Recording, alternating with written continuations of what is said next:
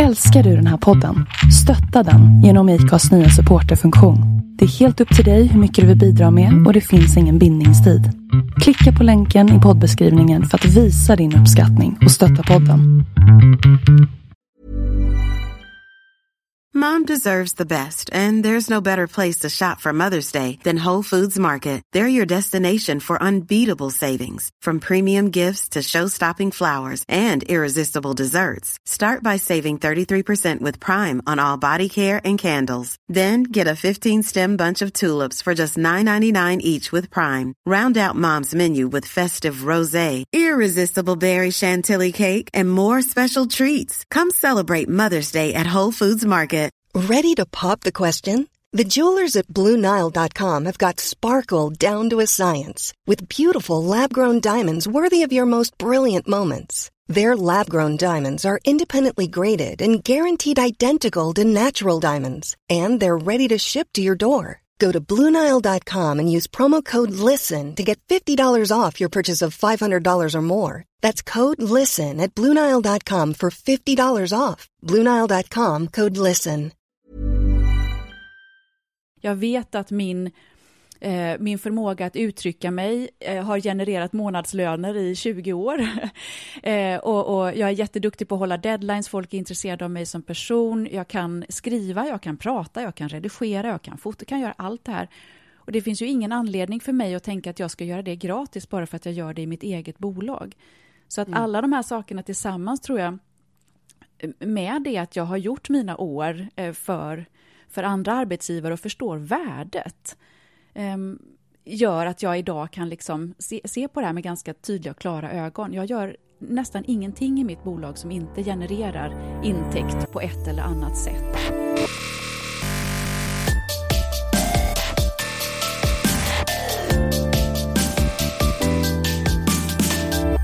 Mitt namn är Linda Hörnfeldt och du lyssnar på avsnitt 120 av We Are Influencers. Odlingsdrottningen Sara Bäckmo var sist med i den här podden 2016. Innan böckerna, innan sommarpratet, innan tv-serien och innan hennes business bara boomade. Det här avsnittet är fullmatat med strategier som kanske är lite otypiska för den typiska influencern. Men då är ju inte heller Sara den typiska influencern. Du vet, den Stockholmsbaserade livsstilsprofilen i 20-årsåldern som pratar mode, inredning och skönhet. Inget fel med det, men när jag beskriver Sara som medelålders odlande bloggare i Småland så skrattar hon och säger att jag är en influencer ut i fingerspetsarna. Sara som är skolad i public service och har jobbat på både SVT och Sveriges Radio bor i Småland där hon sedan 2014 driver flera trädgårdar. Själva odlandet det gör hon på fritiden för att sedan tillsammans med en redaktion på inte mindre än sju personer skapa innehåll till, av sina erfarenheter till blogg, Youtube, sociala medier och böcker. Hon har vid det här laget skrivit inte mindre än åtta stycken. Dessutom var hon troligtvis den första influensen i Sverige att genom en medlemssajt göra affärer direkt med sina följare. En affär som idag helt finansierar hennes contentskapande. Sara säger att målet var att inom tre år så skulle medlemmarna finansiera sajten och innehållet som publicerades, men vi nådde det på två. Sara säger också, jag ville inte göra samarbeten, jag ville inte sälja mig. Nu är hon alltså helt oberoende av annonsörer utan det är istället en lyxgrej som hon bara använder om det tillför mervärde till hennes besökare. Jag och Sara vi pratar om kreativitet, om att bli kändis och det här krånglet med att bli internationell som i slutändan gjorde att miljoner åkte i soporna. Här kommer min intervju med Sara Bäckmo. Vi behöver prata om första intrycket på Instagram. Och då syftar jag inte på färgval eller filter eller enhetligt vita bakgrunder. Nej, jag syftar på tydligheten i ditt budskap och varför någon ska klicka på den där följknappen på ditt konto. För innan du kan börja planera hur din feed ska se ut så måste du nämligen fundera på hur ska du fånga din idealföljares uppmärksamhet? Tur för dig så har jag fixat en guide för det här. Den heter Maxa ditt Instagramkonto för tillväxt och i den här guiden så visar jag väldigt bra exempel och berättar hur du ska optimera din profilbild, din Instagram-bio och dina höjdpunkter för att nya följare ska eh, börja följa dig helt enkelt. Ladda ner guiden gratis på lalinda.se maxa. lalinda.se maxa. Varmt välkommen tillbaka, Sara Bäckmo. Tack snälla, jag har väntat så. Ja men jag med! Det här är så spännande. Alltså sist du var med i podden var ju hundra år sedan. Eh, och det var ju innan allt. Mm. Pretty much. Eh, det känns som att, eh, det, och det här är lite roligt med, i den här podden, jag, jag känner mig lite som att jag har upptäckt alla. Därför att alla har, det, inklusive du själv, har liksom varit med i podden och så sen gone on to do great things. Ungefär så är det. Och jag tycker det har varit så spännande som lyssnare också, för att eh, de här senaste avsnitten som du har gjort så har också jag fått följa med tillbaka när ja. alla andra på något sätt var i sin linda. Och det är så, Eller hur? Ja, det är så jäkla spännande att höra hur folk har liksom vuxit, inte bara i sina yrken utan också som människa och insikter och mognat och, och gjort modiga saker. Jag är så imponerad av alla. Jag med, och så imponerad av dig, för du har ju gjort du har ju, alltså jag använder ju dig som exempel hela tiden när jag föreläser och, och sådär. För du har ju gjort banbrytande saker i den här branschen. Och även när folk är så här, ska prata om influencers generellt. Eh, och då, då är det ju ofta den här, du vet, 20-åriga tjejen som springer omkring på en strand och har liksom ursprung i Stockholm och eh, pratar om kläder och smink liksom. Och de finns absolut, men de är ju extremt överrepresenterade i media. Eh, och därför så lyfter jag ju alltid dig eh, odlingsbloggaren, medelålders odlingsbloggare ja. i Småland. ja, men det, jag tycker själv att det är väldigt roligt för att jag, jag kan inte identifiera mig med den, den gängse bilden av en influencer eh, idag. Nej. Samtidigt som Nej. jag när jag går tillbaka till liksom, vad är det jag gör för någonting och kan jag, kan jag stå för att vara en influencer och hela den här biten, så jag, jag är det, ut i fingerspetsarna. Mm. Men jag är en helt annan kategori än de som alltid lyfts fram och jag tycker det är ett jättestort problem. Och jag har helt ärligt lust att skriva till tidningsredaktionerna varenda gång jag läser någonting och så bara hallå, det finns en hel drös av influencers ja. som, som är liksom så långt bort från det där och som liksom mm. bekänner sig till någon typ av annan liksom, teori om hur saker och ting ska göras, men vi finns inte med på kartan och det är så synd för vi kan vara så fina föredömen för väldigt många. Absolut, och Alltså jag brukar liksom, jag tar dig och så tar jag Elin Häggberg Teknifik och sen tar jag Jonna Jinton mm. som ju faktiskt liksom eh, har närmare tre miljoner eh, prenumeranter på Youtube. Ja hon är så men hon jäkla cool. ja men hon är aldrig med på några listor liksom därför att hon, ja jag vet inte, bor i Norrland. Ja.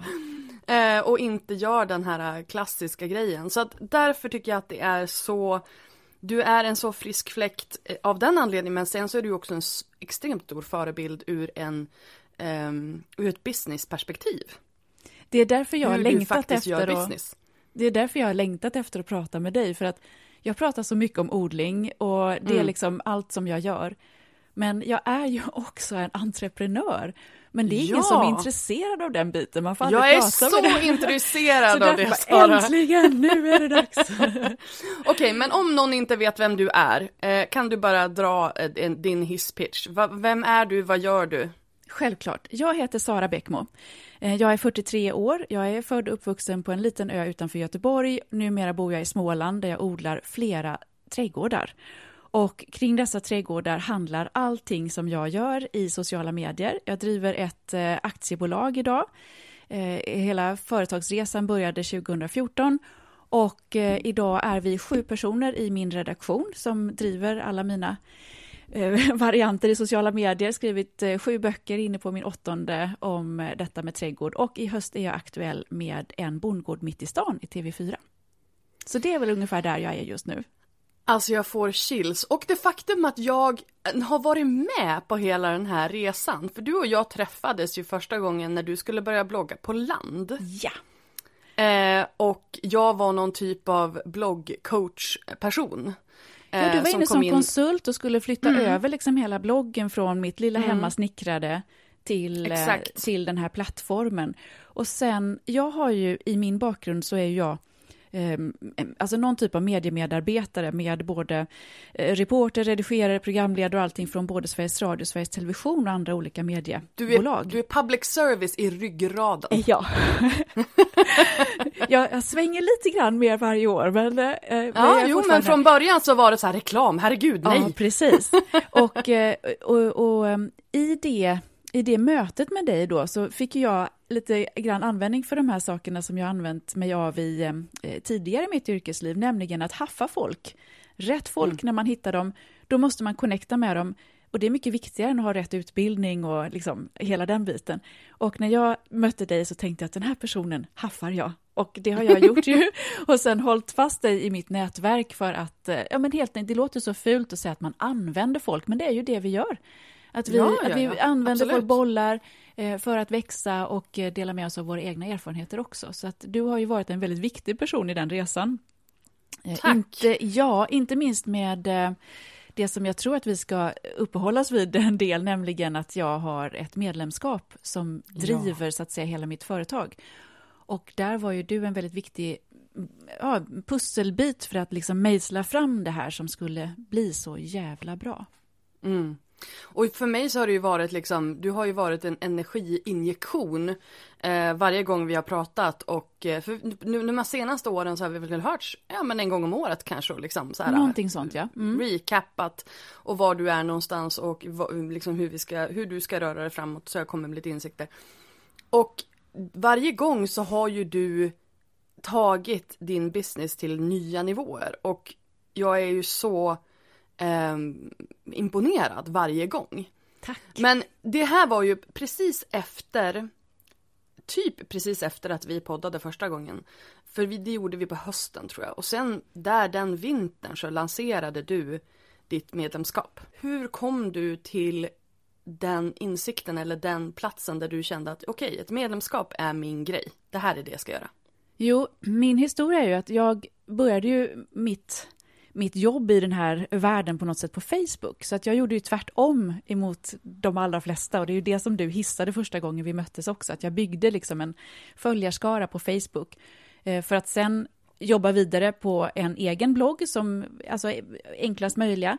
Eh, sen när den hade nått en viss eh, följarskara, jag tror att vi hade 15 000 sidvisningar per eh, månad, så såldes, eller jag gick över då till eh, Lands bloggportal och låg där i tre år. Och de, det var fantastiskt för att då, då tog ju de hand både om bloggen, de var intresserade av att jag skulle skriva i tidningen och med min erfarenhet som journalist så var ju det jättelätt.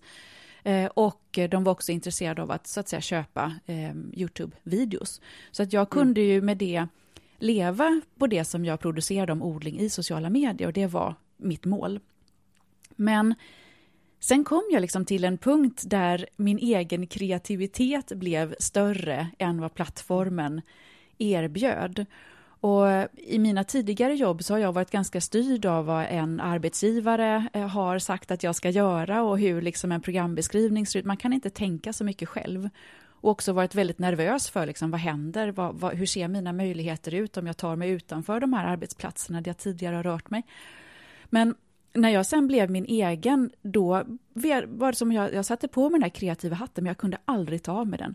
Så många fantastiska idéer, jag vill göra det, jag vill göra det, det efterfrågade saker. Jag kunde aldrig genomföra någonting. För det var alltid någon annan som skulle bestämma, det tog så lång tid och grejer. Och då kom man liksom till den här punkten att vill jag göra någonting annat så krävs det pengar. Eh, vill man ha pengar i den här branschen då får man göra samarbeten. Och där satte ju min public service-bakgrund käppar i hjulet därför att jag har hela tiden den här, jag vill inte sälja mig. Jag vill Mm. inte att det som jag har byggt upp eh, för, mig själv och andra ska användas och nyttjas på liksom värdelösa och meningslösa sätt. Och det som då kom till mig var just det här, jag tror att jag läste någonstans om att svenskar och norrmän var de i Europa som var mest villiga att betala för innehåll på nätet. Och där någonstans liksom började luska då, okej okay, hur skulle det funka då om jag säljer en del av de här artiklarna som jag nu säljer till andra trädgårdsmagasin och eh, ja, tidningar, om jag säljer dem direkt till till betalande medlemmar, så kanske mm. jag kan komma runt det här med att finansiera mitt innehåll med reklam och istället då låta en medlemsgrund finansiera eh, det som jag producerar. Så det, var, det var det som var utgångspunkten. Och målet var att inom tre år ha byggt upp den här medlemsskaran så att de eh, ja, finansierar det som vi producerar. Och jag tror att vi nådde dit efter två år, eh, eller knappt mm. två år. Och det var ju eh, det var en formidabel succé kan man säga. Så att eh, idag har jag, alltså, ja, idag har jag alltså kanaler eh, som, som helt Alltså det beror lite grann på hur man räknas, men sajten finansieras mm. helt. Alltså allt innehåll som publiceras på sajten eh, finansieras av att medlemmar betalar en medlemsavgift eh, och stöttar det här arbetet. Vi är helt oberoende av annonsörer. Vi kan plocka bort alla annonsörer som vi har och fortfarande kunna publicera det här innehållet. Jag gör aldrig sponsrade inlägg med eh, andra företag än de som är våra huvudannonsörer. Så att jag har fem huvudannonsörer som jag jobbar med och ibland så tillkommer någon eller någon lämnar, men det ligger där någonstans och eh, annonsörskapet bygger på eh, bannerannonsering kan man säga och sen att jag blir någon typ av ambassadör då för de här företagen. Mm. Eh, men det är en lyxgrej. Alltså fatta att vara i den positionen och tänka då att vi har de här samarbetena bara för att det tillför eh, innehållet någonting, att de har bra produkter som vi vill lyfta för att de verkligen gör skillnad för de som odlar och att mm. de som odlar då kan få rabatter på de produkter som, som jag tycker väldigt mycket om. Och det är också företag som ju... har råd att betala. Det är ju det som är viktigt. Det är inga små pengar, ja. utan det är företag som gör skillnad för vår, eh, ja, rent ekonomiskt också. För det här har ju också varit någonting hela tiden. Du har ju aldrig bett om ursäkt för att du vill tjäna pengar. Du har aldrig heller låtit, och jag vet inte, jag vet inte vad det här är, om det här är en en åldersgrej, en mognadsgrej, en um, att, att du liksom har jobbat på det sättet du gjort tidigare. Men du kan ju Det stora problemet jag ser hos väldigt många influencers är att de inte kan separera sin person från sitt företag. Och det känns det som att det har ju du gjort hela tiden. Du har ju verkligen varit så här, för att mitt företag ska kunna rulla så behöver jag ju göra det här och det här och ta de här pengarna betalt. Och det känns alltid som att det har varit en självklarhet för dig. Vad, va, berätta. Ja, du har helt rätt där. Jag är så glad att du ser det. Jag hoppas att, eh, att det också kan vara en, en liten morot för andra som uh, blir, blir varse det. Um, och jag tror att om man letar efter nycklarna till varför det blir så, så var det ju väldigt enkelt för mig när jag startade mitt, uh, mitt bolag, därför att de sakerna som jag gör idag för mitt bolag, de har jag gjort för andra stora bolag innan. Jag vet att min min förmåga att uttrycka mig eh, har genererat månadslöner i 20 år. eh, och, och, jag är jätteduktig på att hålla deadlines, folk är intresserade av mig som person. Jag kan skriva, jag kan prata, jag kan redigera, jag kan fota, jag kan göra allt det här. Och det finns ju ingen anledning för mig att tänka att jag ska göra det gratis bara för att jag gör det i mitt eget bolag.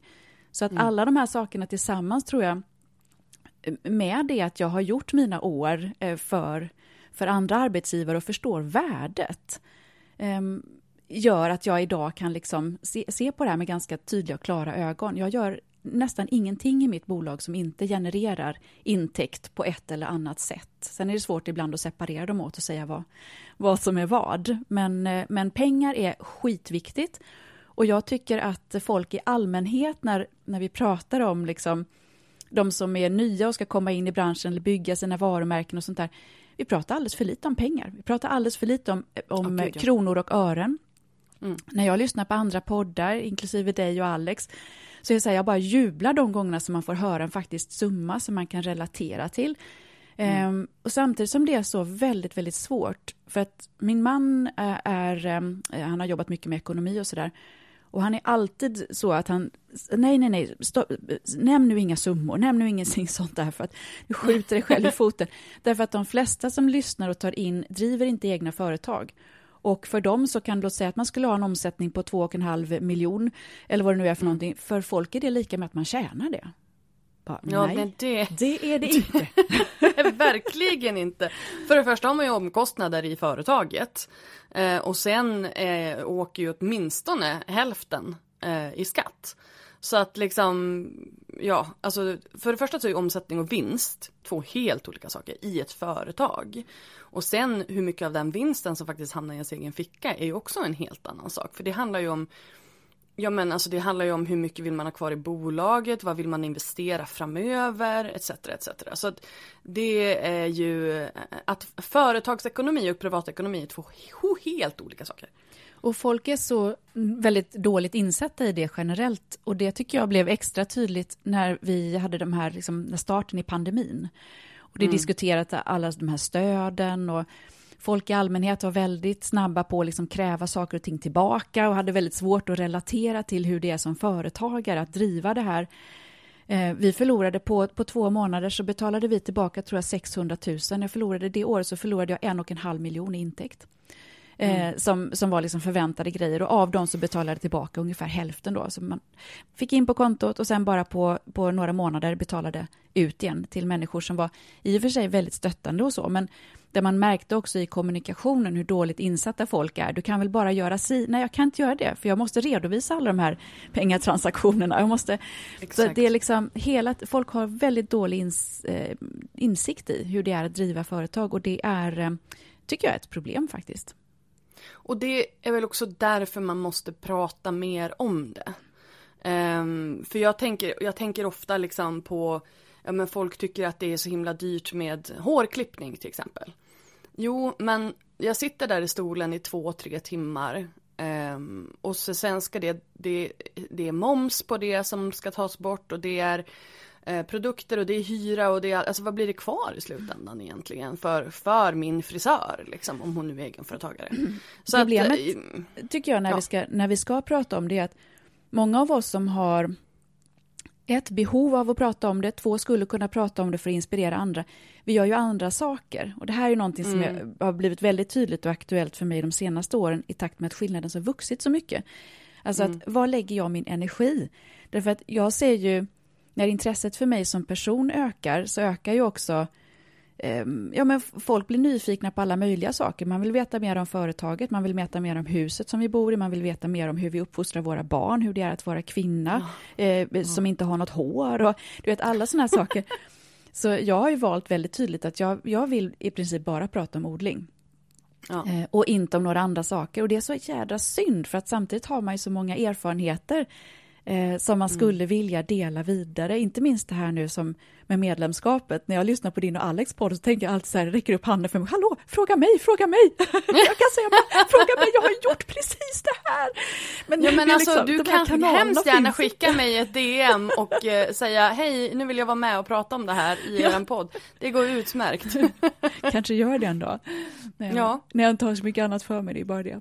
Ja men det, det är väl mm. det som är problemet. Jag vet inte riktigt vart jag ska börja med allt det här för att jag vill ju också prata om eh, just det här som du säger att när intresset för dig som person ökar. För jag kan tänka mig, du gjorde ju ett sommarprat mm. förra året va? Förra året, Det var förra Precis. året, ja.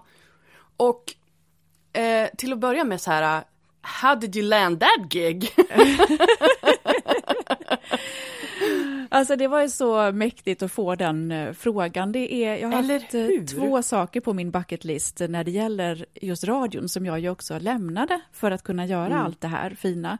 Och uh, redan när jag, när jag lämnade Sveriges Radio så hade jag tänkt att ja, ska jag någon gång återkomma så är det för att göra Ring så spelar vi som är, alltid har varit ett sånt här ja, jag, jag, jämför ofta det jag själv gör med just P4. Jag har inga ambitioner om att göra liksom P1, du vet det här snygg, välformlig. Mm. Jag vill prata till, till vanliga människor, det är mitt absolut största liksom, mål. Mm.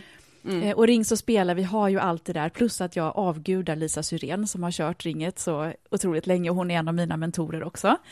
Ehm, men sen eh, när jag nu har jobbat så liksom med mina egna kanaler och tänkt, men var vill man berätta sin historia någonstans? Det är ju Sommar i P1 och sen ringer ja. de. alltså det, så ju, det måste ju ha varit helt fantastiskt. Ja, sen fick jag jobba faktiskt med en av, eh, en av mina vänner med, med att göra programmet, kul. Ola Hemström. Ja, så det var ju bonus på alla sätt. Och där någonstans, då, det hade vi ju räknat ut att det, då, då kommer det ju en massa nya som hittar naturligtvis. Så att vi hade ju den sommaren hade vi ju bra med trafik såklart. Mm. Sen är det alltid, blir alltid nervös. Och liksom, hade också ner mycket bra, i trafik, bra trafik ute på gården också eller? Ja, ja. Vid den, vid den tiden så hade ju, och för ni som inte har följt med nu då, så är det ju när man odlar en stor trädgård som syns i sociala medier, så medför mm. det eh, jättemycket eh, oanmälda besök. Och det är mm. så jädra jobbigt. Och de filmar ungarna utan kläder och de bara traskar in liksom och ibland in i huset. Eh, och, och, Men det är så bisarrt, har en människor ja, inga nej, spärrar? Helt jättekonstigt. Så att eh, det var en av liksom orsakerna till att jag eh, 2019 eh, tände på alla cylindrar när jag såg att det fanns en liten stuga till salu i vår by. Så att numera har jag min egen lilla frustuga där jag har gjort eh, mm. en ny trädgård. Och här är folk varmt välkomna för det ligger alldeles vid vägen så att folk kan bara mm stanna förbi och eh, kika hur mycket de vill. Och det, eh, det hände ju frekvent den sommaren. Det var mycket, mycket besök och det var väldigt roligt.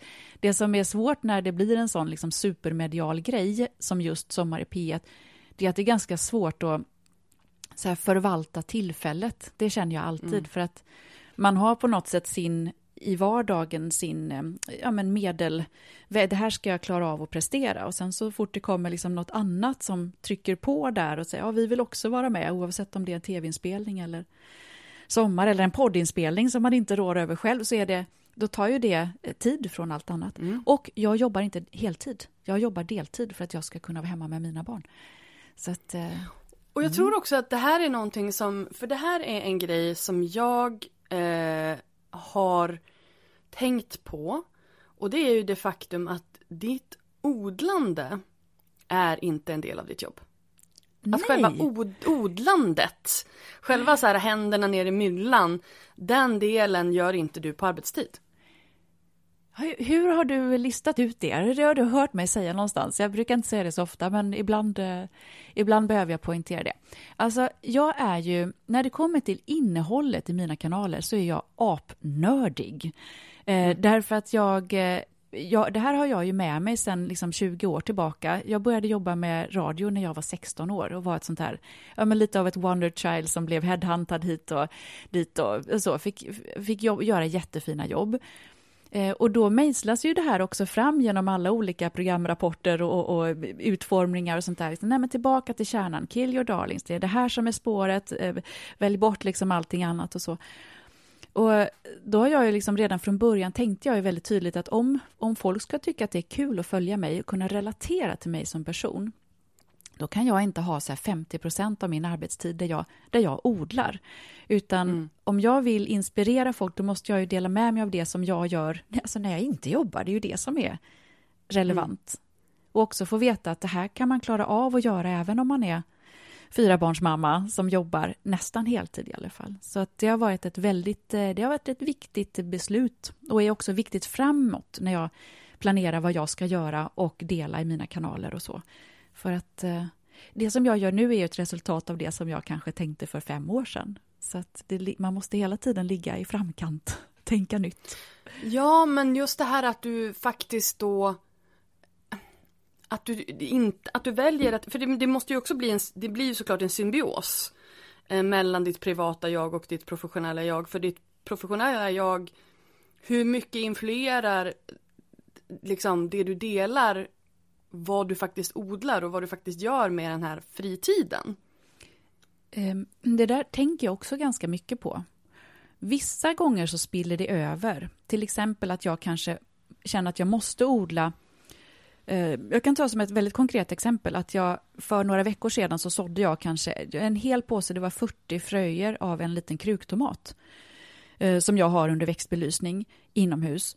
Eh, det är inte för att jag behöver 40 tomater, tomatplantor, Men nu för tiden har jag ett ganska stort behov av att inte, inte just när jag vill och kan, så kanske någon annan måste fotografera de här tomaterna. Eh, de kanske måste dra upp ah. dem ur sina krukor för att fotografera hur rötterna ser ut. Sådana mm. saker. Och då måste det finnas ett överflöd. Så att i viss mån spiller det över att jag ibland behöver eh, odla att jag har ett överskott och det jag faktiskt struntar i att det blev ett överskott som jag inte kan ta hand om eller att det Ja, så, för att, för att det ingår i jobbet också. Så att på det viset är jag en mer tillåtande odlare därför att jag tillåter, jag tillåter mig att misslyckas för att jag också behöver det i mitt, eh, i mitt arbete. Delar du med dig också av misslyckandena? Jag försöker så ofta jag kan. Eh, och folk efterfrågar hela tiden det, liksom att det, eller att de tycker att det känns behagligt på något sätt att se att också jag misslyckas. För att jag har lite svårt ibland då, eh, jag har ju den här titeln, liksom, jag är odlingsexperten. Ja. Utåt i media, men jag misslyckas ju kanske med, med, med 30 procent av allting jag gör, minst. Precis som alla andra. Men det är ju det som gör en expert också. Att man mm. lär sig av de här misslyckandena. För att om man inte skulle göra någonting fel, då skulle man ju inte vara expert, då skulle man bara ha tur.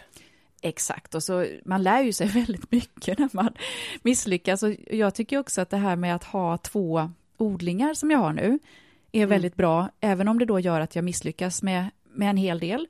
Därför att jag också kan relatera till odlare i olika situationer. Att jag dels mm. kan jag relatera till den som likt jag gör hemma, har en, en köksträdgård på 500 kvadratmeter. Men jag har också en pytteliten odling i år med grönsaker som bara består av åtta små bäddar. Så då blir det också väldigt lätt för den som har en mindre odling att relatera till mig och jag kan också relatera till dem. Jag vet att det är svårt ibland att ta hand om all hushållskompost för man kan inte omsätta det i en så liten odling Nej. till exempel. Så det ena ger det andra där. Och jag, alltså, vi skulle ju kunna prata om liksom dina kanaler och ditt innehåll och, och, du vet hur, hur du tänker kring det. Men jag är ju mer intresserad av businessen. Ja, eh, och liksom det, vad som händer bakom, bakom kulisserna. Alltså du sa att ni var ett team på sju. Ja, alltså vad roligt att dina tankar går dit. För att en sak ja, som alltså, jag... alltså jag är så här, jag har inte ens en anställd och jag har en, jag skulle behöva det. Och, men jag har fastnat i så här, vem, var, varför, hur du vet allt det där. Berätta, hur har din anställningsresa, eh, mm. alltså att ta in personal, hur har den sett ut? Um, jo, alltså för det första så har jag ingen anställd, alla jobbar som konsulter, så att jag är väldigt uh, flexibel. Mm. Mm. Uh, och det skulle jag tipsa alla om faktiskt, som, som vill ta in någon, att ta in som konsult. Det har sina nackdelar också, flera stycken, men det gör mig mer flexibel och är det någonting som jag har lärt mig under de här åren så är det hur snabbt saker och ting förändras och hur, eh, hur jag måste forma liksom min, mitt företag efter det. Jag kan inte låsa fast mig själv i ramar. Varken mentala ramar för mig själv eller de fysiska liksom, ramarna som, som företaget växer inom. Och det här är ju någonting som jag tänker hela tiden på. Alltså det finns med mig varenda dag hur mitt företag eh, förändras i takt med att jag växer eller om jag skulle minska sen då. Eh, och det här är någonting som jag själv också tycker att vi pratar alldeles för lite om, när att växa. Eh, alltså jag, mm. ni gör det jättemycket, men jag skulle vilja prata om det på ett annat sätt, för att ofta så pratar man om att det är liksom små, eh, att, att man är ganska liten i sin business och sen så växer man lite grann. Men det är också, finns jättestora fördelar att växa, med att växa skitmycket och ha de här stora kanalerna. Därför att man kan göra så väldigt mycket och det gör arbetslivet väldigt, väldigt roligt när man har rätt fokus. Och det mm. var i det fokuset som hela min liksom växa-resa började. När jag insåg att jag skulle kunna göra fler kul saker på den här sajten med de här medlemsgrejerna. Men för att folk ska vilja betala med det, eller för det så måste jag ha liksom någonting som sticker ut och som gör mitt material speciellt. Vad är det? Jag tog in en matfotograf, eh, Maria Strömberg Båt, eh, som hjälpte mig med att få till schyssta bilder som jag kunde locka med, så att säga. Eh, mm. Sen blev det väldigt naturligt när jag hade kommit över den första tröskeln. Så bara, mm, om någon annan trycker på vissa knappar alltså som vem som helst kan knappa på, då kan jag göra mer innehåll av det som folk vill betala för. Mm. Mm. Då tog jag in Elin som redaktör. och sen kunde jag mm. inte sluta. Så idag har jag, det är helt fantastiskt. Eh, idag har jag då Ehm, i, utan inbördes ordning, men vi har då, först så sitter jag själv då som eh, gör en massa innehåll, sen har jag Maria som är redaktör för den svenska sajten. Eh, hon är också fotograf eh, i mina böcker, men det gör hon utanför sitt vanliga jobb då. Eh, och sen har vi Helene som är eh, ansvarig för våra kundkontakter med alla medlemmar kan man säga, eh, samt e-handelsansvarig. Sen har vi eh, sen i våras Maja eh, som är min assistent. Eh, sen har vi Ulrika eh, som är ansvarig för marknadsföring och eh, också har varit redaktör för våra engelska kanaler där det är lite flytande och också gör jättemycket jobb på Youtube. Vi har Lovisa som är SEO-ansvarig och jobbar en hel del med liksom, den biten. och sen har vi Ida som är fotograf och videoreporter. Alltså yep. det är ju eh, otroligt Alltså det är så coolt, dels att du har liksom ett sånt där extremt, alltså det är ett stort team. Ja. Eh, att alla, alla jobbar inte, ingen jobbar heltid. Det är för att vi ska nej, men, ha tid nej, att gå till tandläkaren och sköta liksom. om våra grejer och sådär. Ja, ja absolut, nej, men ändå. ändå. Eh, att det bara är tjejer. Mm. Eh, och sen också, här fick du ju också in lite snyggt internationaliseringen. Ja, den är svår. ja, den är det va? Men jag skulle säga att det som, är, det som har varit min röda tråd och som jag tycker att folk ska ta efter också, det är just det här att för det som jag ville trycka på och prata med dig om just när det gäller det här med att växa, det är ju att ett, det är skitkul att växa, för man får, när man gör det, eh, så får man ju ofta lite mer resurser då, så att man kan utveckla saker som man kanske har gått och tänkt, och man kan ha den här idéhatten på och faktiskt genomföra saker som, som man kan, inte kan genomföra om man inte har pengar och liksom andra typer av resurser. Mm. Um, och det är, det är superkul, så det har jag hela tiden månat. Plus att en naturlig utveckling när många företag växer, det är ju att den som har grundat företaget gör mindre och mindre av det som är kärnverksamheten, det som faktiskt är riktigt jäkla kul. Och jag, har, jag brukar kalla mig själv för den ofrivilliga chefen, jag vill verkligen inte vara chef. Jag vill, nej, nej, jag vill skriva blogginlägg, jag vill göra videos, jag vill hålla företag eller föredrag.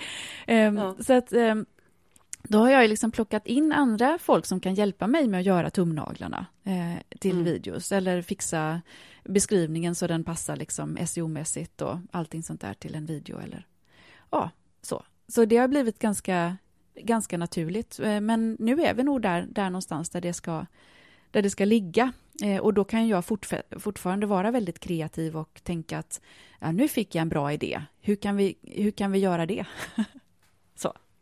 Men den här internationaliseringen, hur har du, hur har du tänkt där? Berätta om den. Mm, mm. Alltså anledningen till att jag säger att den är klurig är för att den är, eh, den är svår att få, eh, få snurr på rent ekonomiskt. Det kostar jättemycket. Eh, och ja. Eh, därför är den också alltid föremål för, att, eh, ja, för förändring. Och där, där vill jag också gärna prata lite grann med dig om hur, hur, hur ni tänker. jag följer ju, följer ju er, dig och Alex, och jag vet att ni pratar mm. en del om det också. Och, ehm, och för er alltså, som lyssnar som inte har koll på mig precis. och Alex, vi har ju en annan podd ja. som heter Vad fan håller jag på med? Som är en entreprenörspodd. Om att inte riktigt alltid veta vad fan man håller på med. Så är det ju. Men, min, men den här resan började ju när jag intervjuade alltså den, den största världskändisen på trädgårdskartan som heter Monty Don i, eh, i, som kom till Sverige och jag var en av få som fick en intervju, gjorde en video eh, med honom eh, på engelska och såg att det var väldigt många engelska tittare som sökte sig till den videon. Mm. Då gjorde jag en engelsk Youtube-kanal och jag gjorde en, en engelsk kopia kan man säga av sarabackmo.se som finns på sarabackmo.com. Så att inte liksom en klassisk bara här är översättningsknappen, utan allt ska finnas på engelska som en helt egen värld. Vilket det nu mm. finns med Instagram och Pinterest och ja, men du vet, Youtube och sajt och allting. Um, och det här kostar ju sjukt mycket pengar att göra, men vi har väldigt fin trafik där. Uh, mm. Och vi märker ett väldigt stort intresse. Folk uh, uppskattar mitt material uh, och mig mm. som person på ett otroligt fint sätt. Um, och sen så har vi då mm, Alltså jag vet inte hur detaljerad jag ska vara, vad du vill veta. Men det som jag tycker är intressant är att det är sjukt svårt att tjäna pengar på detta. Mm. Eh, och eh, jag har ju den här gyllene planen med det här medlemskapet eh, på svenska. Och vi har ehm, eh, förberett, allting finns för att sjösätta allting på engelska. Det finns den mm. engelska medlemsportalen, det finns material översatt för ungefär ett år. Vi skulle liksom bara kunna trycka på knappen och det var vad vi hade planerat att göra i, august, i eh, januari 2021 var det. Eh, två veckor innan eh, släppet när vi hade liksom också jobbat lite grann för förberedelserna ehm, och tagit in personal och allting, då hörde min redovisningsbyrå av sig och sa att vi har problem med momsen. Och vi kan inte gå vidare. Eh, och mm. där och då så bara stöp allt och det var ju flera miljoner som bara rakt ner i skiten. Liksom. Oh, det är mitt, min absolut största eh, motgång faktiskt i, eh, och jag blir nästan ledsen när jag bara pratar om det, jättejobbigt, med mm. allt det här som vi hade byggt upp och så. Eh, och därför har jag med stort nöje lyssnat på era diskussioner, bland annat alltid om det är så lätt, nu ska vi bara göra si och bara så. Nej, det är inte så jädra enkelt. Eh, för att momsreglerna är det som har eh, satt käpparna i hjulet. Och rent konkret så är det så att när du säljer digitala produkter mm. Ehm, så måste de momsas på olika sätt i hela världen. Och det kan vara då så att om du säljer för ett visst antal kronor i ett visst land, då har det landet en regel som säger att när du har nått till den här summan, då måste du momsa i det speciella landet. Mm. Tro inte för en sekund att det är samma summa som gäller i andra länder, utan då måste du hålla stenkoll på exakt hur mycket du har sålt för i vilken del av världen. Eh, och i vissa länder måste du då momsa i det speciella landet, i andra länder kan du momsa från Sverige. Så du, det är rent omöjligt om du har lust att göra en business där du till exempel då tjänar kanske varje år 100 000 från ett visst land. Och skillnaden har ju den potentialen att vi skulle kunna liksom casha in jävligt mycket pengar eh, mm. på medlemskap. Men det gör då att vi, hela rulliansen med, eh, med momsdelen är så komplicerad så att vi klarar inte av det. Eh, och ja, där, där har vi landat.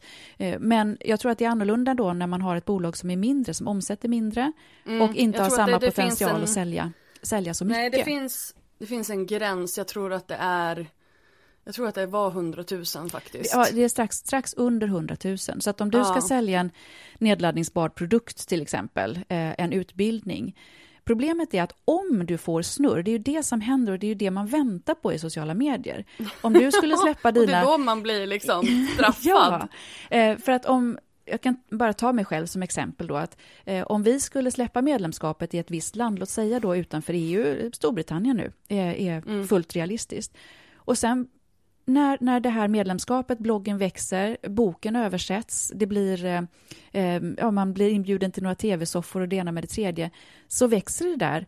Och så blir det snurr där och sen får någon nys om det i ett annat land som inte tillhör och så blir det snurr där. Och det är ju ja. det som man önskar, men då kan man inte handskas med det ekonomiskt. Så det är lite, lite annorlunda än att sälja en guide för hur man gör eh, eh not eh, do it yourself pysselgrejs hemma liksom. Då hamnar man inte i den kategorin. Fortfarande måste man hålla koll på hur mycket man säljer ja. och det tror jag mm. jättemånga missar. Och om jag ska säga en sak till, för då tänker man så här, ja men då använder jag mig av ett tredjepartsverktyg, då säljer jag mina kurser på Amazon istället. Ah, är exakt samma regler där. Det landar på dig som producent och att du måste ha koll på hur mycket du säljer. Så om du ska göra en verksamhet och ser potential att det här kan bli stort, så då plötsligt hamnar i helt andra liksom, kategorier av problem än när man är en, en mindre aktör. Åh, oh, vad bökigt. Sorry okay, to say då, it. jag bara, då pratar vi inte om det, det var inget kul. men det är väldigt intressant, men det var en väldigt dyrköpt erfarenhet. Det är superintressant, men jag menar mm. det måste ju, men då måste du ju ta in någon sån här superrevisorperson eller ja, som det har koll på det där. Det har vi. Det, det är det som inte. är problemet. Nej, därför att om man då anlitar en... Det, ja, det här har undersökts på en miljard olika sätt här, men om man tar in då liksom en, eh, en specialist på det här, så kostar den specialisten x antal kronor per timme. Så att den, mm. Eh, den utgiften måste jämkas då mot det du får in. Och låt säga att utgiften eh, för det här, låt säga att det skulle faktureras för 55 plus moms per månad, mm. att det skulle mm. kunna vara realistiskt. Då måste du dra in det. Och, ja. och, och, det är, i början är det inte realistiskt. Och, då, Nej, alltså, och det blir sådana liksom, utgiftskaruseller så att det bara... Det blir inte värt det liksom. Alltså, det, och då blir det liksom som så här, vad är hönan och vad är ägget? Ja. Och, och, jag fattar att då blir det, alltså, det tar ju emot något fruktansvärt att, det här är så att himla dra igång synd. den karusellen ja. igen. Och jag ja. förstår inte hur det kan vara så svårt när det här är liksom, det här är ju det som skulle bygga och vara så enkelt med de här digitaliseringen och, och material Eller som vi kan hur? dela och sådär. Eh, så att det för blir... det här är ju bara digitala produkter, för är det fysiska produkter så är det ju helt andra, då är det ju tull och skit, men, men det är fortfarande andra Alltså det känns ändå som att det är enklare.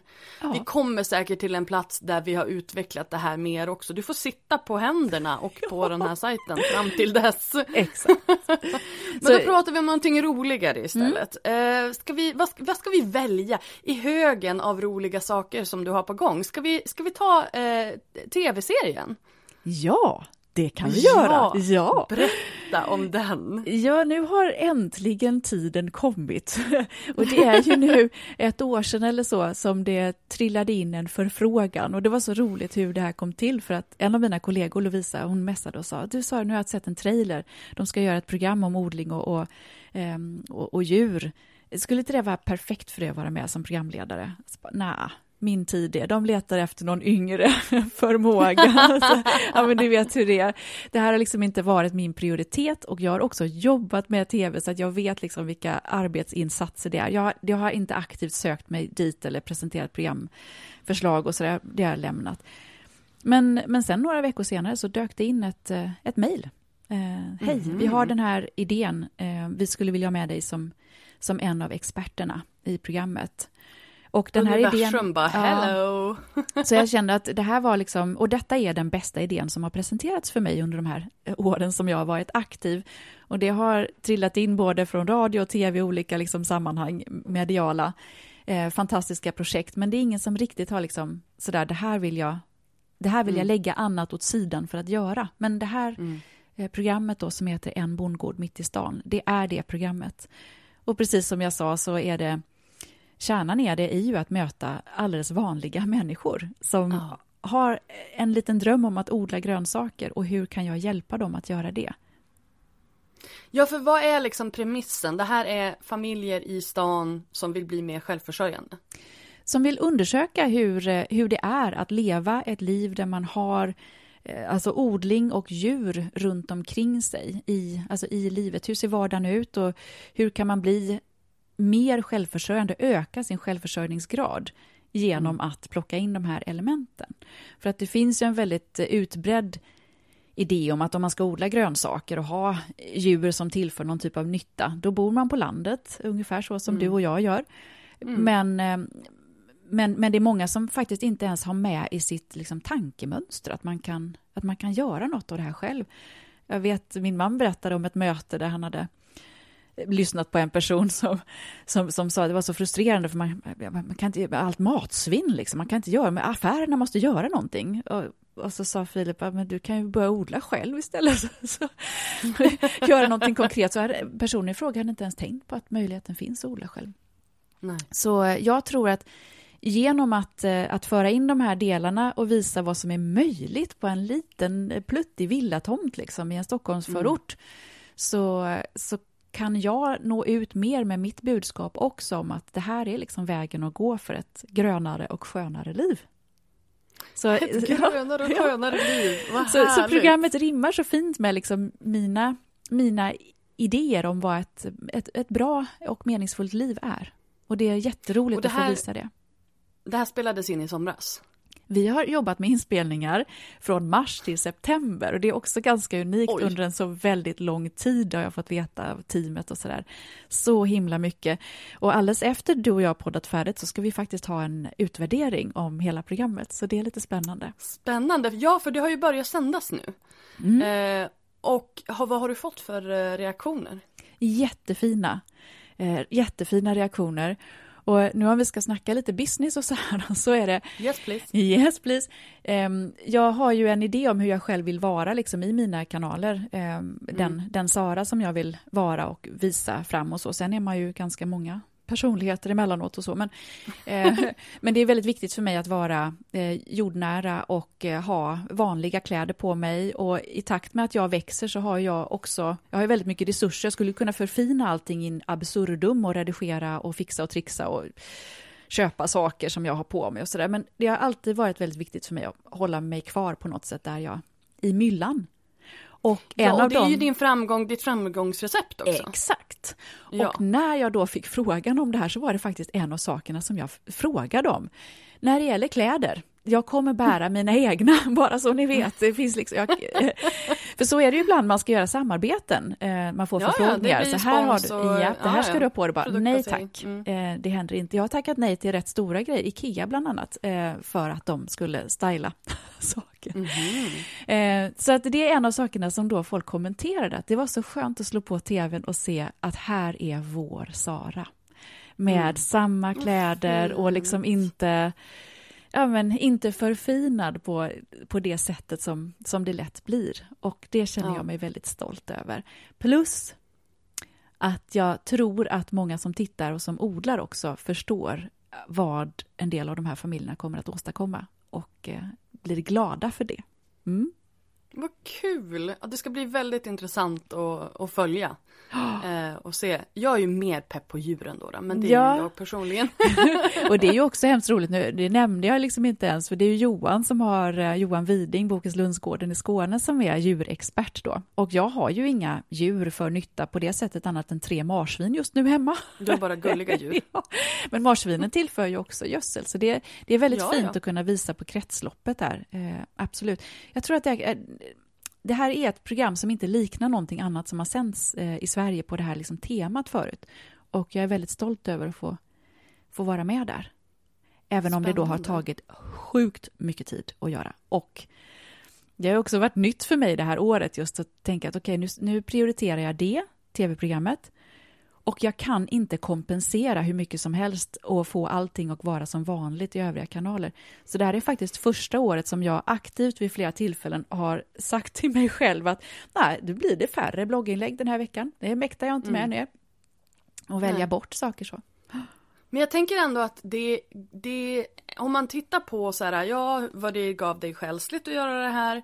Eh, sen så har det väl också gett dig en eh, liten säck med pengar, eh, alltså att du får betalt för att göra det. Men sen i slutändan så kommer det också betyda mer trafik. Mm. Det är vad vi hoppas. Dessvärre är det ju lite klurigt för att programmet sänds ju i den värsta lågsäsongen för trädgård. Ja, det är sant. Och det här är ju någonting som man inte själv riktigt styr över. Alltså, och då kommer vi in på algoritmer och hur folk beter sig i sina sökmönster och sånt där. Vi har ungefär skillnadens eh, någonstans mellan 50 och 60 procent av vår trafik just nu styrs av eh, liksom sökmotorerna. Um, och sen har vi nästan all annan trafik kommer från sociala medier. Så det skiljer ju mm. oss lite grann mot hur många andra jobbar. Vi har en stor del från sökmotorerna men vi har nästan lika mycket stundom från, från sociala medier. Men när intresset för att odla och söka efter saker och ting som är odlingsrelaterat dippar, eh, mm. så dippar ju också liksom algoritmens möjlighet att hjälpa oss att visa saker och ting på organiska sätt, eh, framförallt på Facebook.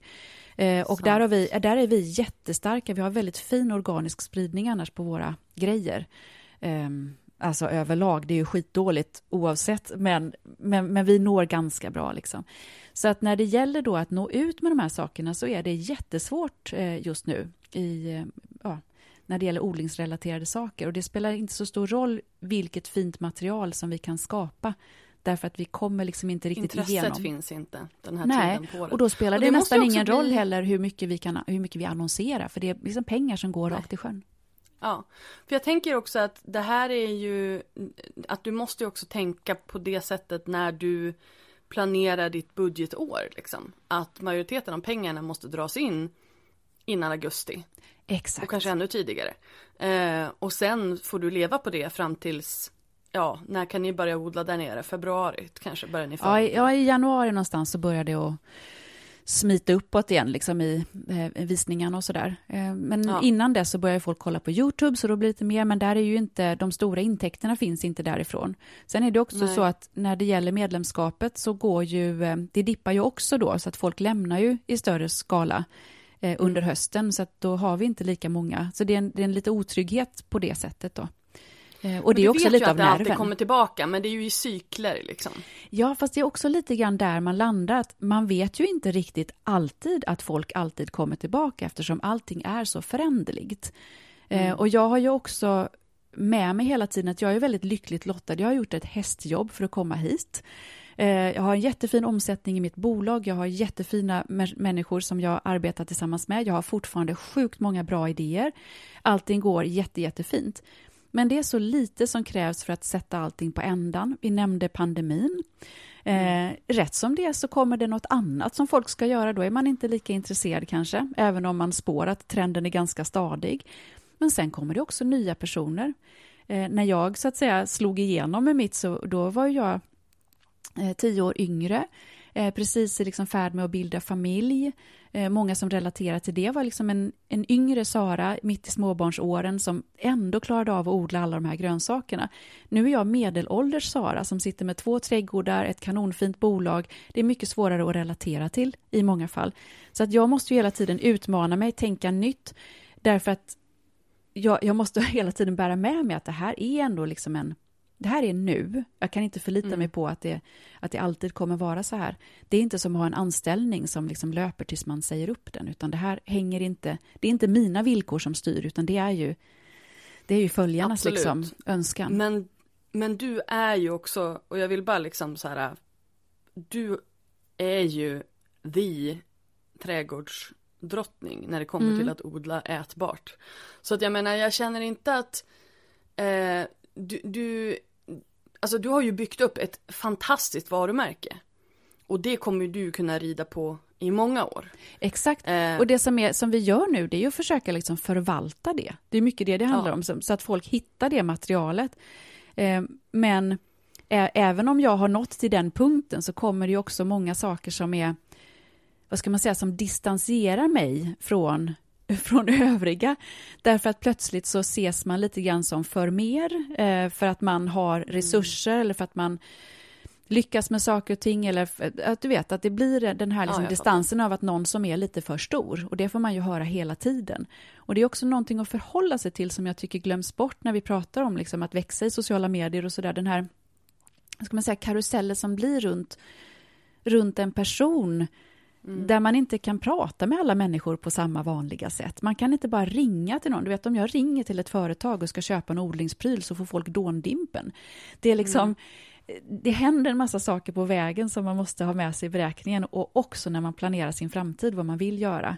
Ehm, ett annat exempel är att det är väldigt lätt, ja men det här, jag gör ett litet evenemang. Bjuder in, Mm. jag har en liten pop-up-försäljning. Om jag, jag kan inte göra sådana saker. Det skulle vara jätteroligt. Jag måste planera för hur folk ska kunna gå på toaletten och någon kräver fika och då måste, och ska det vara fika då måste det finnas alla typer av allergigrejer som är liksom in, Du vet, för folk kräver det när det har kommit Och det är, ro, det är jätteroligt men det är också lite svårare så. Och alla de här sakerna, varför jag nämner det är för att när man tänker framåt så är det här saker som också definierar på något sätt vad man vill och kan göra.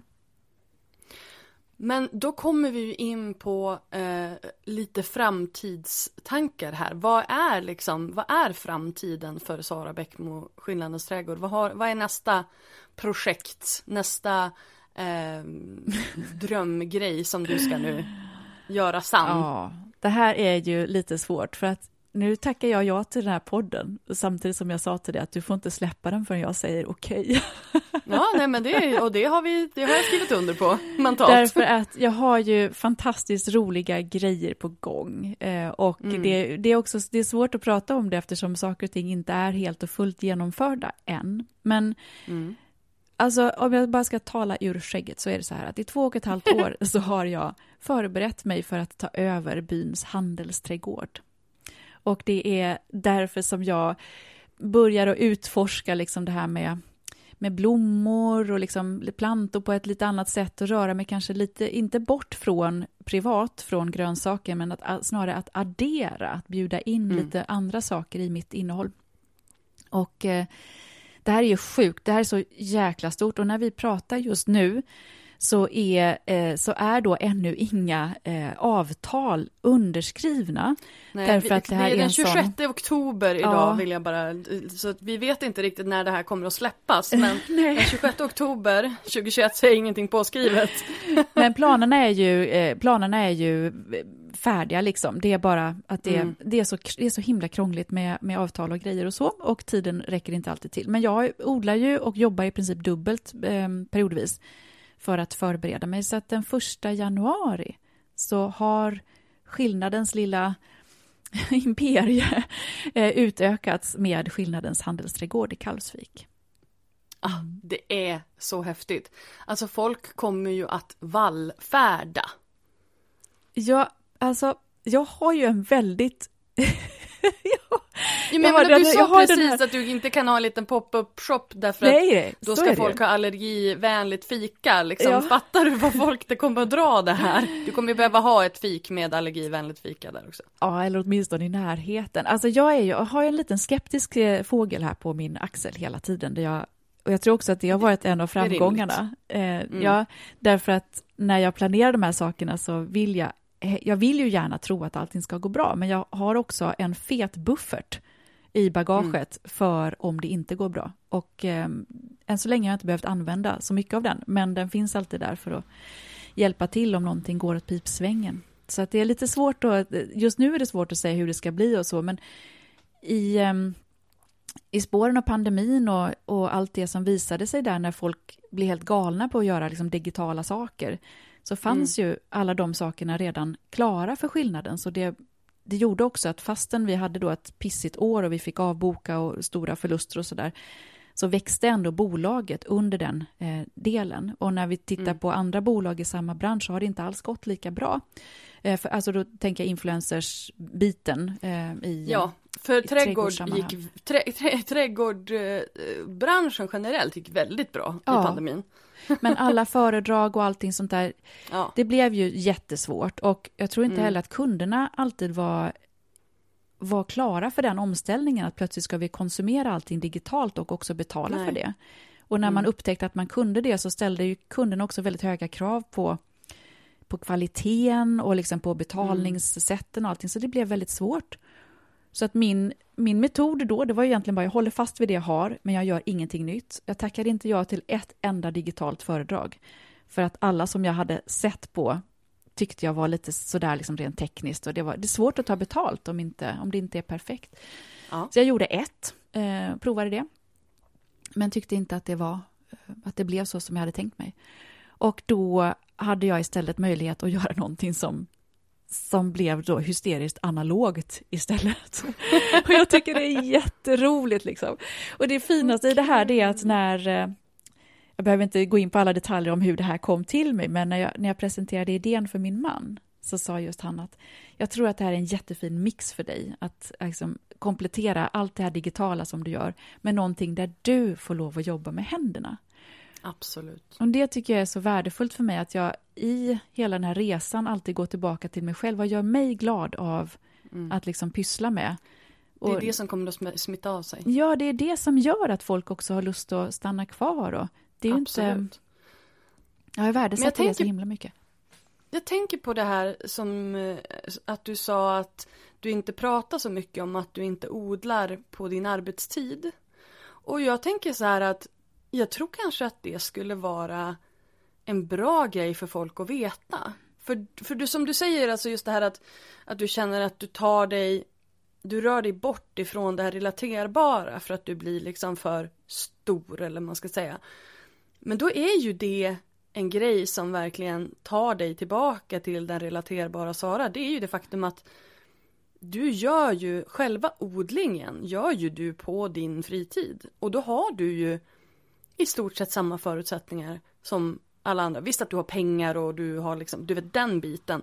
Men det faktum att du, du ändå jobbar, ja men 80 procent säg, jag, nu drar jag till med någonting för jag vet inte hur mycket du jobbar. Men säg att du jobbar 80 procent, du har fyra barn. Eh, det är ändå liksom, du har ju samma förutsättningar på det viset som väldigt många andra som också odlar. Det är exakt det som att- är poängen. Precis. Ja, exakt. Och, och då tänker jag att det kanske faktiskt skulle hjälpa för folks, liksom om de känner att så här, oj nu är hon för mer.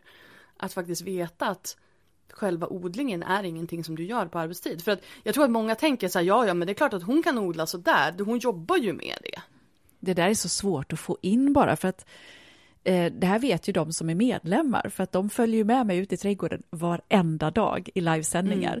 Men, men den som halkar in på ett bananskal för att googla hur man sår en tomat, där finns det liksom inte rum för att pyssla in det. Att, ja, just det, by the way, det här gjorde jag klockan tio på natten. när Nej, men inte, inte så- så, men att du kanske har det liksom en, som en del, alltså typ på, när man har en omtext eller att du har ett eh, inlägg om det i sociala medier eller du vet, någon, någon, någonting sånt som ändå skapar förståelse. För jag tänker så här, i allt det här, vad, vad fyller sociala medier för, för funktion mer än att liksom dra in trafik till sajten? För det har vi inte pratat så mycket om.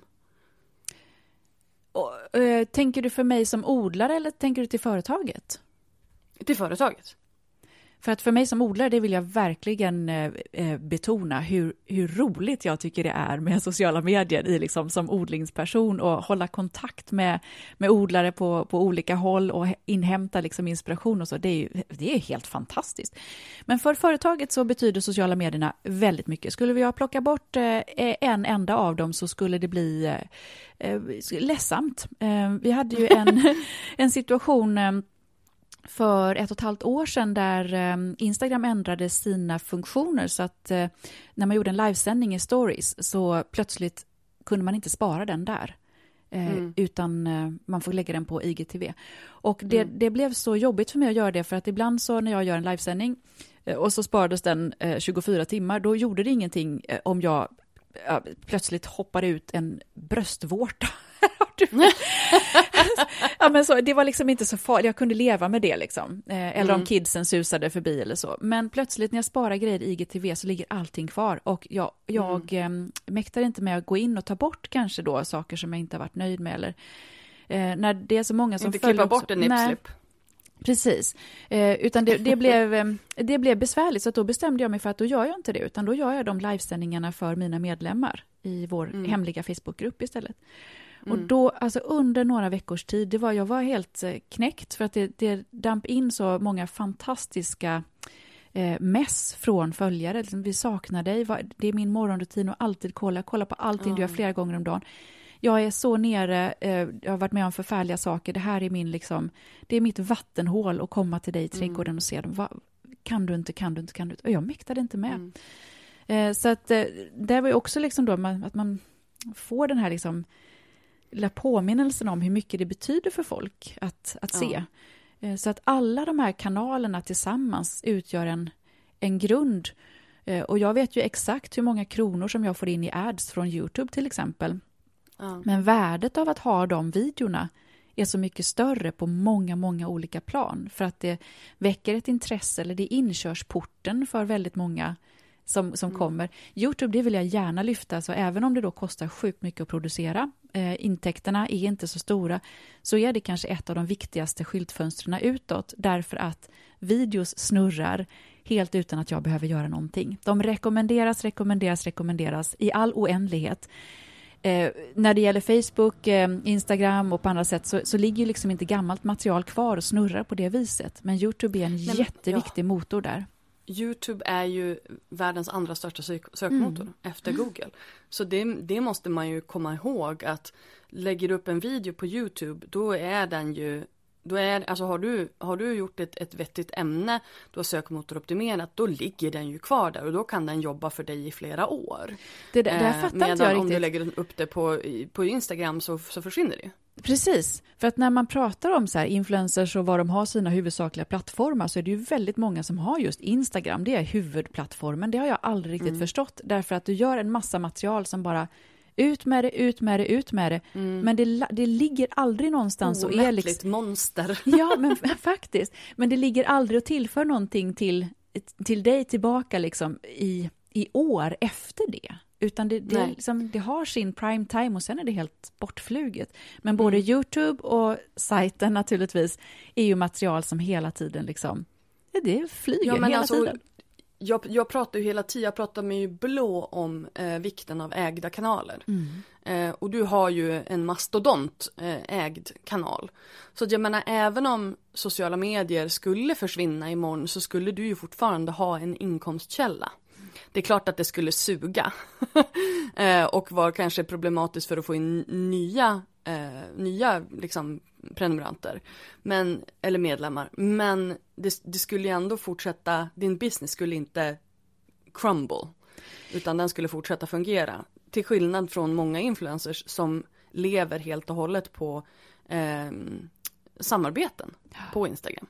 Jag tror att det här skulle man kunna koka ner i ett tips som faktiskt skulle vara väldigt användbart för många eh, som är eh, nya, som, som vill göra någonting i, genom sociala medier eller liksom bygga sitt eget varumärke och sådär. Och det är just att klamra sig fast vid de här sakerna som folk vill läsa om, om och om igen. Eh, mm. Att det här att liksom vad jag har på mig i trädgården just precis idag, det är skitsak samma imorgon. Men mm. att hur jag skördar min grönkål eller hur jag gör, vad jag har för knep när jag ska så någonting. Eh, och det kan man ju praktisera jag tycker det är så roligt när man möter människor som, som har lust att göra precis det här. Så oavsett vad det är för ämne så kan jag ge en lista med liksom så här, här är 50 punkter, kan du göra ett innehåll kring det som kommer att flyga liksom, i massor av år. Det är de sakerna som är kärnan. Så det är liksom ja. inte, hur knyter du skorna? Tre, sätt, och tre olika snygga sätt att knyta skorna. Det är liksom de sakerna som man bygger på, som ja. man lever på länge. Det är lustigt att du säger att det är det som är kärnan, för jag kallar ju det för kärninnehåll. Ja. Alltså just det här att, att det här är det som har en lång livslängd, alltså det är evergreen innehåll. Eh, det är någonting som verkligen ger värde till, till liksom den läsaren. Eh, och det, det kommer liksom att vara aktuellt under en väldigt, väldigt lång tid. Um, så ja, jag är helt med dig. Får man spinna vidare banan. på den eh, en sak till där då? Absolut. och det är att jag tycker att, um, jag ska inte hålla på att recensera vad andra gör och så, men, men jag tycker att folk i allmänhet borde bli lite bättre på att skriva. Och att det är faktiskt inte dumt. Journalisten bara. ja, därför att det här det är, kan vara detaljer som avgör. Alltså om man har lust att Absolut. läsa en text eh, om och om och om igen, så vill det till att den är skriven på ett hyfsat bra sätt. Och folk lägger så mycket tid på att lära sig om saker som kanske är lite mer oviktiga.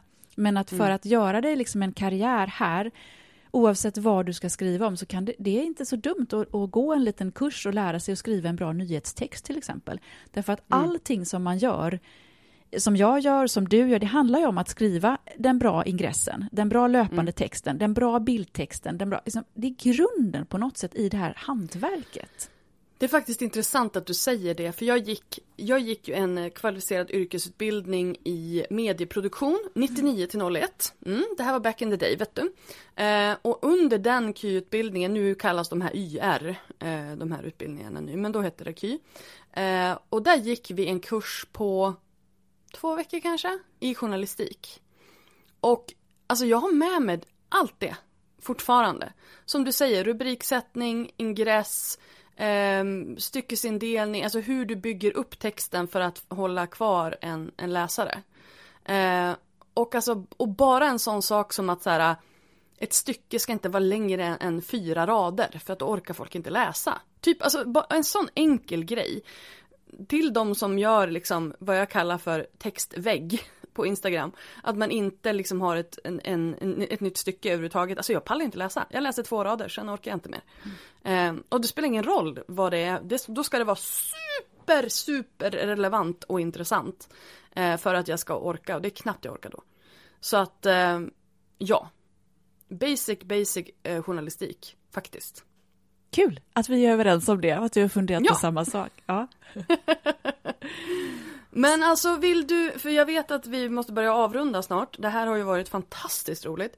Eh, men du har, nu ska vi se, hur många böcker hade du gjort? Sju? Sju, och sen håller vi på med en åttonde. Jag sa ja, ju efter den sjunde så här, äh, fasen nu, nu måste vi ha en paus på minst två år. Och sen fick jag den här bra idén. Plus att vi har bytt förlag, eller vi har inte bytt förlag, men förlaget har nya ägare med lite mer stålar. Så att vi fick, eh, i, i princip så sa de, är det något särskilt ni vill göra, bara säg till, ni får, ni får det ni behöver för att för att jobba. Så vi bara, Och du ja, bara well! ja, ja. Så jag passa på nu när det är lite till. lågsäsong. Så att nu, nu har jag skrivarfrisyren som du ser då. Jag är lite mer långhårig. Eh, Ja, du har jag inte rakats på ett Nej, tag. jag har inte hunnit att klippa mig. Mina barn tycker att det är jättebra för då kan jag skaffa mig en tuppkam. Det brukar jag ha en gång om året. Ah, Mm. spännande. Det, det här är ju sånt som vi vill ha på en reel gärna. Mm. På Instagram. Toppkammen, tack. Eh, men men berätta, om, berätta om den senaste boken som har kommit ut och kanske lite grann en liten hint om vad det är du jobbar på nu. Eh, Den boken som eh, kom ut senast den heter Hållbar odling. Och vet du att häromdagen så fick jag ett mejl från Bibliotekstjänst som har recenserat.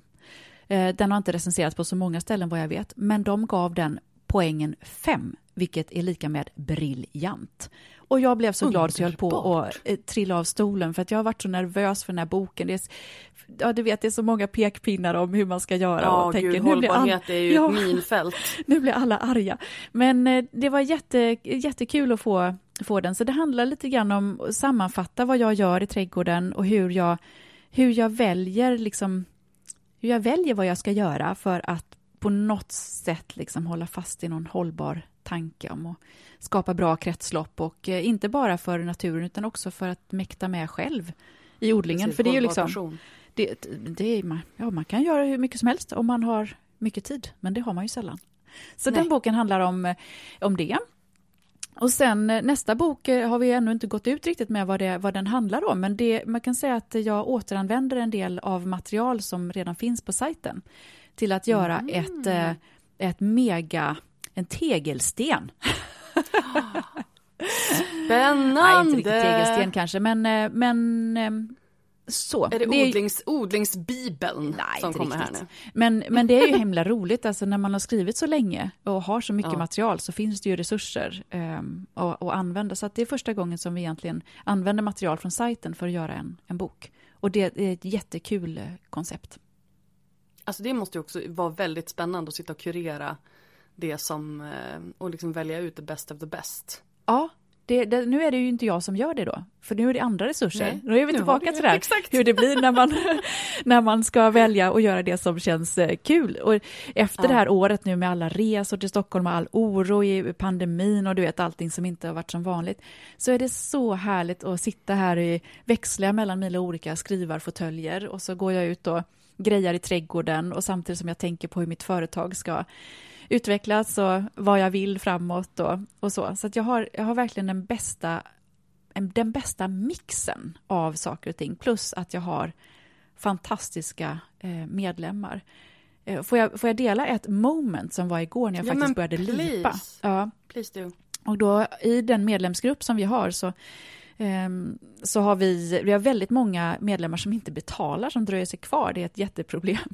Ehm, Ja, åh gud, ja det är ju Eh, och det är väldigt svårt att kolla och, och göra något åt det. Men vi ska, vi göra en räd, vilket betyder att alla medlemmar går ur eller tas bort eh, vid Mm. en viss dag och sen så eh, får de släppas in igen då med ett nytt lösenord. Men då var det en tjej som skrev att jag, jag, jag kan dessvärre inte komma in igen sen för att jag av olika ekonomiska eh, orsaker sådär. Och då var det en annan medlem som hörde av sig per mejl och sa att jag läste detta, jag blev så berörd.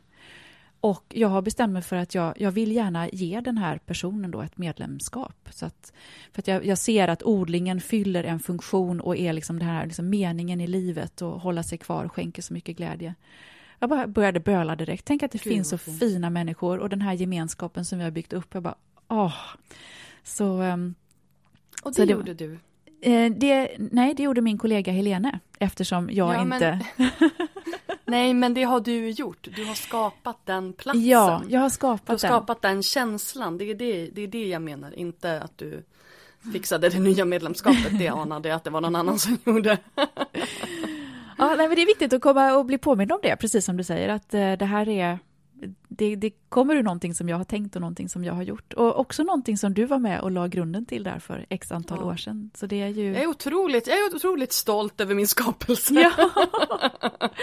Jag skulle vilja prata så mycket mer om just hur medlemskapet funkar. Och, för jag ser att det är många som är nyfikna på det och jag har, jag har jättemycket liksom erfarenhet att, att dela med mig av.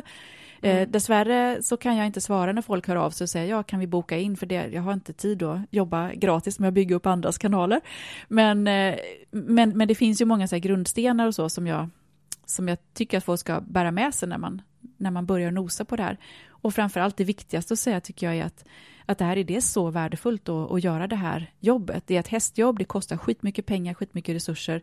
Men att göra en bra plan för hur man genomför det är, ett, det är liksom en långsiktig eh, grundpelare på något sätt. Det mm. kan vara det när man, när man arbetar på de här sätten. Jag tänker att vi får kanske göra en liten uppföljning Mm. Eh, vi kanske inte behöver vänta fem år till nästa gång. men eh, då vi pratar om, vi dedikerar lite tid till eh, medlemskapet. Mm, kan vi göra. Och hur man har tänkt på det. Nu, nu kände jag att det var så himla mycket som vi var tvungna att liksom ta, en, ta ett omtag efter så här lång tid. Men du, du får ju hemskt gärna komma tillbaka eh, och berätta om medlemskap eh, lite senare. Eh, till våren kanske? Ja, kanske det. Vi, du, får, lite mer får om hur det har mig. gått med handelsträdgården. Ja, oh, gud. oh, ja, det, är så, det är så roligt och jag är så nervös och eh, men det är, oh, jag är så glad för att det här har blivit av. Eller ännu alltså, inte, det har ännu inte blivit här, av men. Nej men att det, det, det är nära nu. Mm. Och, och sen just det, alltså det här är någonting som jag har sagt sen jag startade eget. Att det som är det mest fantastiska med att vara egenföretagare det är att det finns inga gränser. Det finns inga, det finns, du, du, allting, the world is your oyster på riktigt oh. liksom. Att du kan göra precis vad du vill.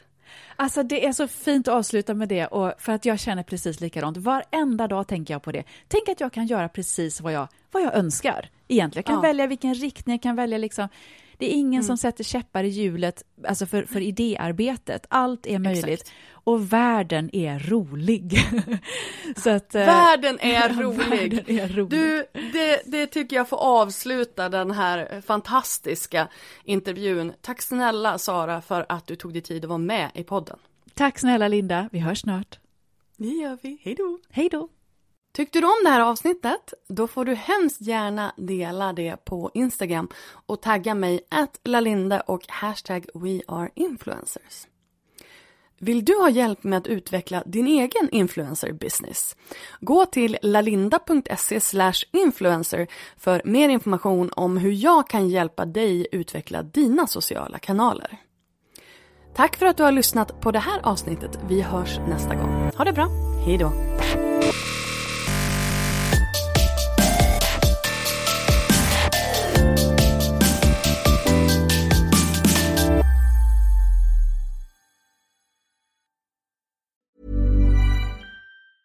A lot can happen in the next three years. Like a chatbot may be your new best friend. But what won't change? Needing health insurance. United Healthcare Tri Term Medical Plans are available for these changing times. Underwritten by Golden Rule Insurance Company, they offer budget-friendly, flexible coverage for people who are in between jobs or missed open enrollment. The plans last nearly three years in some states, with access to a nationwide network of doctors and hospitals. So for whatever tomorrow brings, United Healthcare Tri-Term Medical Plans may be for you. Learn more at uh1.com. Mom deserves the best, and there's no better place to shop for Mother's Day than Whole Foods Market. They're your destination for unbeatable savings, from premium gifts to show-stopping flowers and irresistible desserts. Start by saving 33% with Prime on all body care and candles. Then get a 15-stem bunch of tulips for just $9.99 each with Prime. Round out Mom's menu with festive rosé, irresistible berry chantilly cake, and more special treats. Come celebrate Mother's Day at Whole Foods Market.